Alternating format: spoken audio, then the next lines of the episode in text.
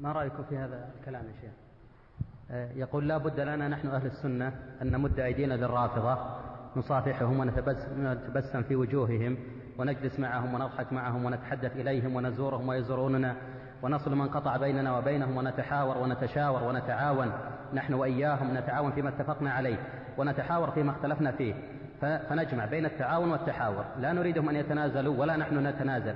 كل يبقى في مكانه وعلى معتقده مع مواصلة التعاون والحوار وذلك لأننا لا نريد للأمة أن تتشتت فوق الشتات الذي تعيشه ولا أن تتمزق فوق التمزق الذي التمزق الذي هي واقعة فيه. لا نريد للأمة أن تواصل الشتيمة بعضها لبعض وسب بعضها بعض للبعض الآخر. الأمة بحاجة إلى التعاون لأننا نعيش واقعا مريرا نتعاون ونتحاور في سبيل انتشالها من واقعها المرير. وليس هناك داعي لأن يستفز بعضنا بعضا. فإذا أردت أيها الرافضي أن تسب أبا هريرة فسبه في بيتك لكن لا تسبه علنا إلى أن قال وجدت أن مذهب الشيعة عبارة عن مجموعة أخطاء جمعت وقيل هذا مذهب الشيعة. ولو أخذنا بعض الزلات لبعض علماء أهل السنة الكبار كابن حزم مثلا وكبار علماء الأمة في كتب موثوقة ومعروفة لكان فيها البلاوي وهذا موجود في كل الأماكن. ولو جمعتها ووضعتها في كتاب وقلت هذا مذهب أهل السنة والجماعة من كتبهم يعني بلفظه قال والله نطلع إحنا كفار.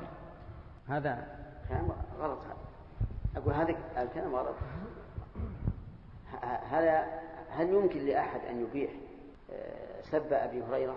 لا علنا ولا سرا مع ما من الله به عليه وعلى الأمة من نقل هذه الأحاديث العظيمة التي حصل بها ثروة عظيمة من من الشريعة. على كل حال هذا يجب أن يتقي الله عز وجل في نفسه وأن يرجع عما عما عما كتب أو ما ألقى في شيء. نعم. لا يمكن هذا. هذا كلام مردود مرفوض اللهم اهدنا فيمن هديت. شيخ الله يجزاك خير.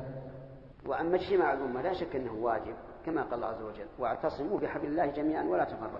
لكن واجب على أي شيء؟ على هدي النبي صلى الله عليه وسلم وأصحابه. ما هو على الأهوى؟ اعتصموا بحبل الله. بدأ, ب... بدأ بالحبل قبل أن يقول جميعا. وحبل الله هو دينه وشريعته. وأما أن نتفق بالمداهنة فهذا غلط. ولهذا نجد العلماء رحمهم الله يردون على المبتدعة ويرون أن الواجب عليهم الرجوع إلى